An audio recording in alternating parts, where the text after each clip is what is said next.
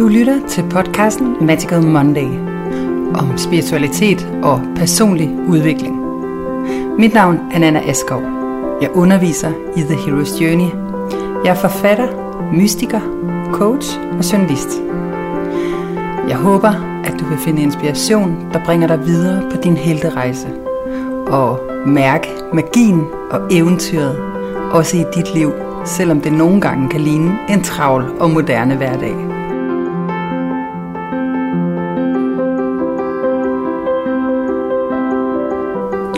Dag så skal det handle om en af mine absolut favoritfortællinger, Babettes gæstebud af Karen Bliksen. Den blev øh, udgivet i 1952 under navnet Isak Dinesen. Og øh, det er jo ret typisk for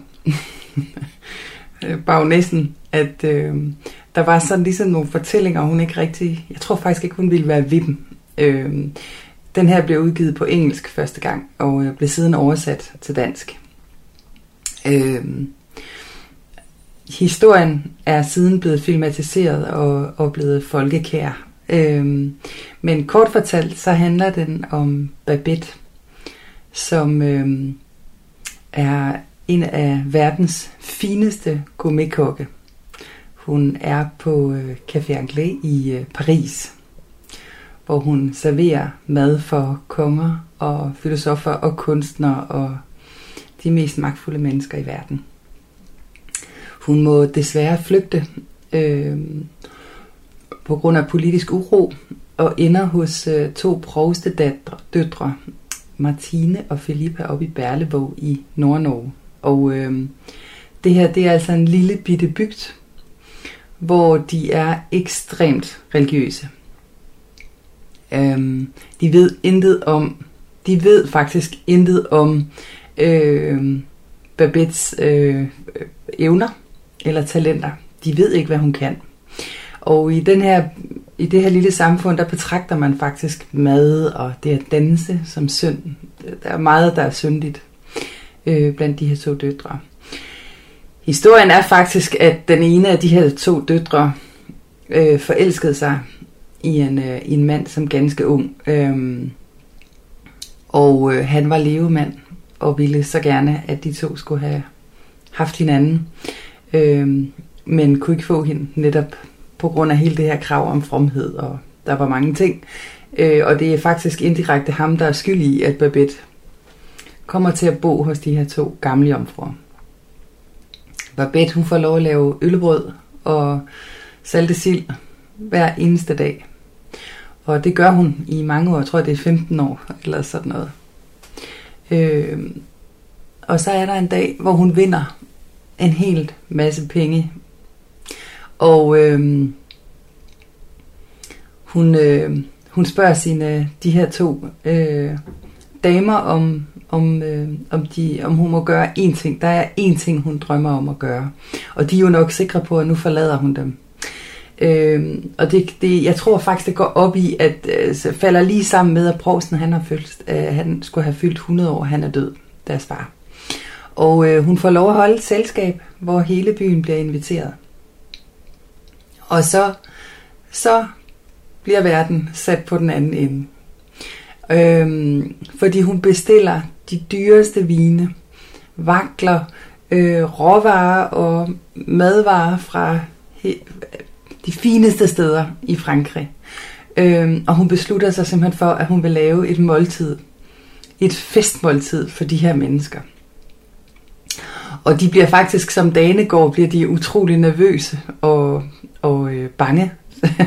de begynder at snakke om heksekunst, og de er slet ikke vant til at se sådan noget her i, i Berlevåg. Så det er det vækker en helt masse uro blandt de her meget fromme mennesker i, øh, i Norge. Øh, og på selve dagen, der øh, sætter de sig ligesom for, at de vil ikke lade sig rive med af den her middag. Øh, de forstår heller ikke, at hun... Altså, der, der er ikke rigtig nogen, der ved, hvad den har kostet, så de bliver relativt utaknemmelige, vil man måske sige med voksne øjne i en moderne tid. Øh, men de gør ligesom alt, hvad de kan for at holde, holde det her fra, fra livet. Og selvfølgelig må de overgive sig, for de skal smage på den her vin, og de skal jo smage på maden, og de bliver grebet af sanserne. Og ja, ja, så kommer der en masse ting op. Det er faktisk først øh, til sidst, at øh, søstrene forstår, at Babette har brugt hele sin formue på dette ene middagsselskab. For de her mennesker, der på ingen måde har sat pris på det. Og øhm, det betyder jo, at hun er nødt til at blive hos dem.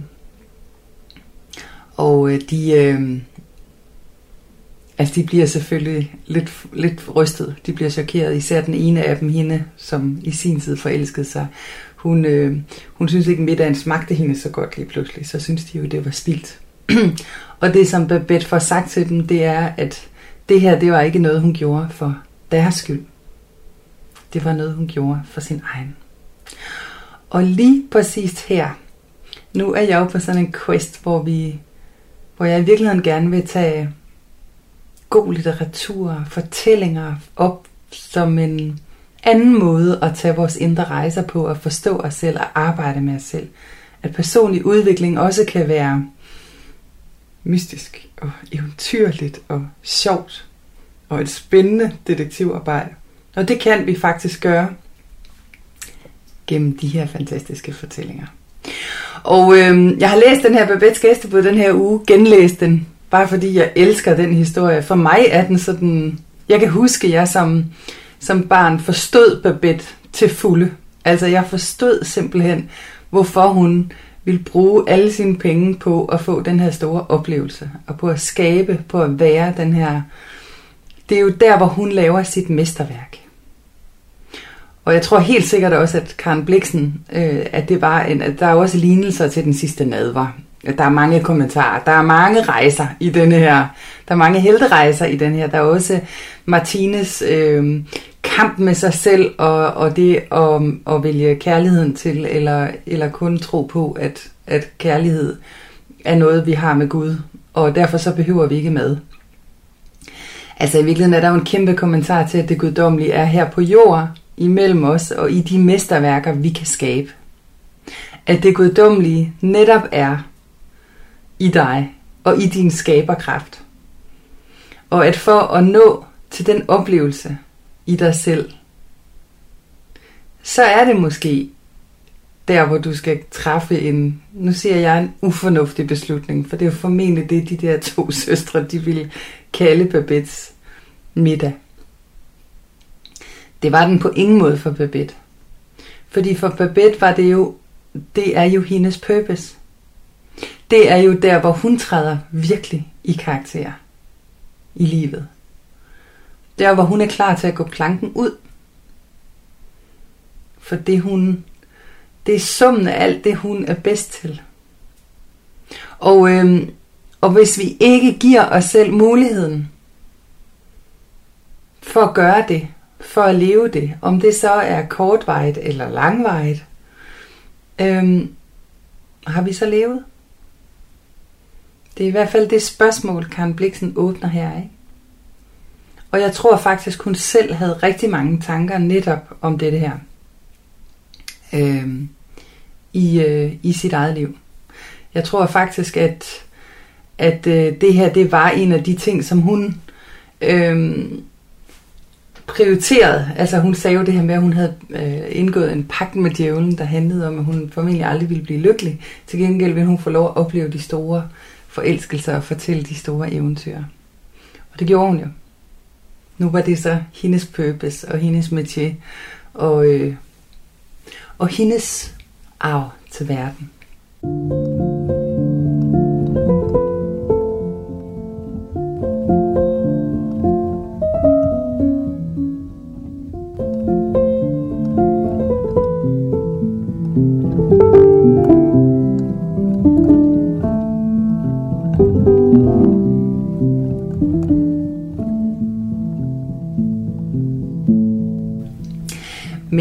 Joseph Campbell taler jo også om det her.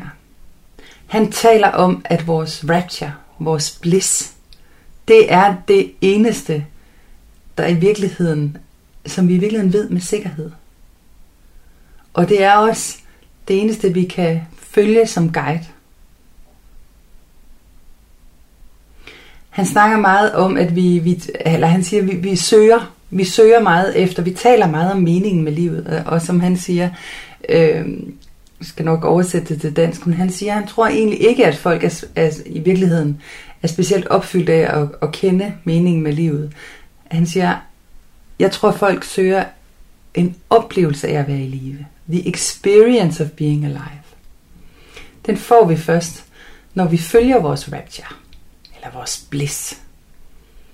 Og hvad er rapture eller bliss? Altså fordi det, som Joseph Campbell han taler om her, og som Karl Blixen jo også er inde på, det er hele det her, som, som senere blev The Bliss Philosophy.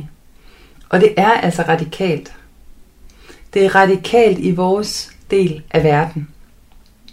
Fordi det, som Bliss Philosophy handler om, det er faktisk, at, at øh, vi skal følge, vi skal lytte til den her følelse af bliss og, og, og rapture, eller den her følelse af gnist og passion. Den er der ikke, fordi at vi skal afstå fra den. Den er der tværtimod, fordi at vi skal følge den. Fordi vi skal ture og følge den. Og nogle gange, så føles det totalt ufornuftigt og irrationelt, det der giver os den her følelse af bliss. Men sagen er, at vi kan ikke vide, hvor det fører os hen. Det eneste, vi kan vide med sikkerhed, det er, at der er noget her, som kalder. Og hvis man tror på the bliss philosophy, så tror man på, at sådan et kald, det er der, fordi det er det, vi skal følge. Fordi det er det, der får os i den rigtige retning. Lad os vente rundt og sige, hvis ikke vi gør det. Hvis vi hele tiden følger en fornuftig strategi og plan, så vil alt de, alle de resultater, du opnår, alt det, du laver i dit liv, det vil simpelthen være båret af dit egos planer. Det vil også være begrænset af den rationelle hjerne, du har, der kun tænker årsag sammenhæng med en analyse, der er bagudrettet, nærmest ligesom en computerhjerne. Den kan kun beregne på baggrund af det, du allerede har oplevet. Det vil sige, i det øjeblik, du måske var ment til at skabe en stor forandring, lære noget nyt, træde igennem glasloftet. Det vil du aldrig komme til, hvis du lever et liv, der er baseret på øh, den her computerhjernes matematiske beregninger af, hvordan livet skal leves. Det vil aldrig være en følelse af at, øh, at have gennembrud. Det vil aldrig være en følelse af, de virkelig, virkelig succesrige mennesker, store kunstnere, elitesportsfolk, folk, der virkelig har haft den her følelse af et gennembrud. De har jo ikke gjort det her ved at sætte sig ned og lave en matematisk formel for, hvordan de kom dertil. De har simpelthen fuldt en bliss, eller en rapture, eller en passion, og de er blevet ved og ved, og ved og ved, ved. Hvis nogen med en rationel hjerne havde fortalt dem, da de var børn eller unge, at det her, det ville føre dem vidt, øh, så ville man formentlig ikke tro på det, vel? Fordi det, der er jo masser, der aldrig bliver kendte sanger eller rockstjerner, hvis det nu var det, der var bliss eller rapture. Pointen her er, at hvis vi skal tro på, at bliss er en guide, så skal vi også stole på, vi skal stole på intuition. Vi skal stole på synkronicitet. Vi skal stole på, at der er noget, vi ikke ved. At der er noget, vi ikke kan forudsige. Vi skal stole på det guddommelige i os selv. Det er nogle ret store ting for et moderne menneske at tro på. Det er ret store ting at læne sig ind i. Det føles utrygt på rigtig mange. Men øh, hvis nu vi ser på vores børn, hvornår lærer de hurtigst, og hvad lærer de hurtigst? Altså min søn, han har i øjeblikket besluttet sig for, at han vil bare øh, stå på skateboard. Og øh, så vil han lære en olie, og så vil han, nu, nu hammer han op og ned af ramper, og det er så farligt, at jeg tænkte, det, hvis nogen havde fortalt ham rationelt, at det her, det ville han kunne, det det ville, det ville han aldrig have kunne forestille sig. Og jeg ville for så vidt heller ikke. han har bare stået med det skateboard, og han er faldet og stået og faldet og stået, og han har ikke haft nogen færdig plan med det. Han har bare fulgt sin bliss. I sådan en uh, læringsproces, der kunne jeg jo godt have haft en tendens til som forældre at afbryde dig og sige, nu skal du komme ind og lave lektier, eller nu har du stået i mange timer. Kan du virkelig blive ved? Nej, nu er du simpelthen faldet 100.000 gange. Kan du ikke lige, eller slået hul på så så mange bukser, og i øvrigt smadret, jeg ved ikke hvor mange sko, fordi det gør man, hvis man har en skaterboy. Nå, en bonusinfo her. Jeg kunne nemt have fundet på at tage ham ud af sin blæs. Vi gør det hele tiden i skolen med dem. Vi gør det hele tiden. Kom, nu skal vi afsted til et eller andet. Ud af blæs. Problemet ved det er, at alting bliver læring, som er båret af øh, det rationelle. Af pligt, af knokleri. Hvad sker der, når vi bliver voksne? Vi bliver trænet i kun at tænke inden for boksen. Vi bliver trænet i, at pligt og knokleri er det eneste følelse, der viser, at vi er på rette vej. Det vil sige, at hver gang noget føles let eller lejende eller ikke knoklende, så har vi det her lille filter, så reagerer vi som en rotte, der har fået stød. Hov, så er det fordi, der er noget galt, så er det utrygt. Derfor er bliss philosophy radikalt. Det er radikalt. Og det at dvæle ved, hvordan er du over for dig selv i dine indre dialoger? Hvordan er du over for dine venner, når de taler om et eller andet, der kunne føles lidt blissfuldt? Er helt ærligt, er du så sådan en, der sidder og tænker, det kan ende galt det der? Eller går du med det? Det er alene det at, at genkende bliss, når den er der. At genkende andres bliss, at genkende egen bliss. Det er en øvelse i sig selv. Og det at arbejde med det er radikalt. Du går mod strømmen ved at gøre det i dag. Og det er... Øh, omvendt så tror jeg, at det er den eneste måde... Øh, jeg tror faktisk, det er den eneste rigtige måde, hvis vi gerne vil have den her følelse af opfyldelse. Og hvor har jeg coachet mange mennesker, der har succes, men ikke føler sig i føler sig færdig. Altså føler sig fuldendt. Og hvor har jeg også coachet mange mennesker, der havde modet til at følge deres bliss, og som måtte kæmpe med rigtig, rigtig øh, meget mod, modvilje fra deres omgivelser. Det er tankevækkende. Det er tankevækkende. Så Babette, Babette Måske kan du tage din indre babette op en gang imellem og tænke, hvad er mit masterpiece? Hvad ville mit mesterværk være?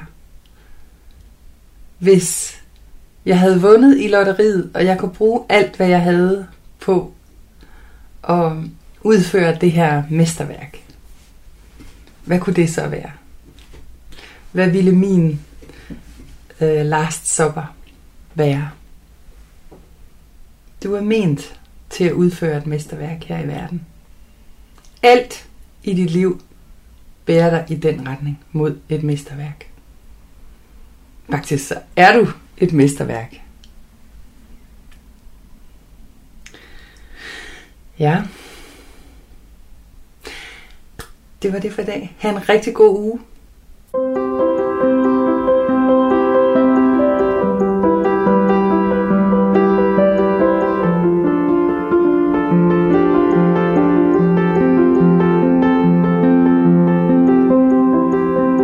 Du lyttede til podcasten Magical Monday. Mit navn er Nana Askov. Du kan læse meget mere på nanaaskov.dk eller tjekke ind i Facebook-gruppen Heroes Journey. Den er gratis. Vi ses.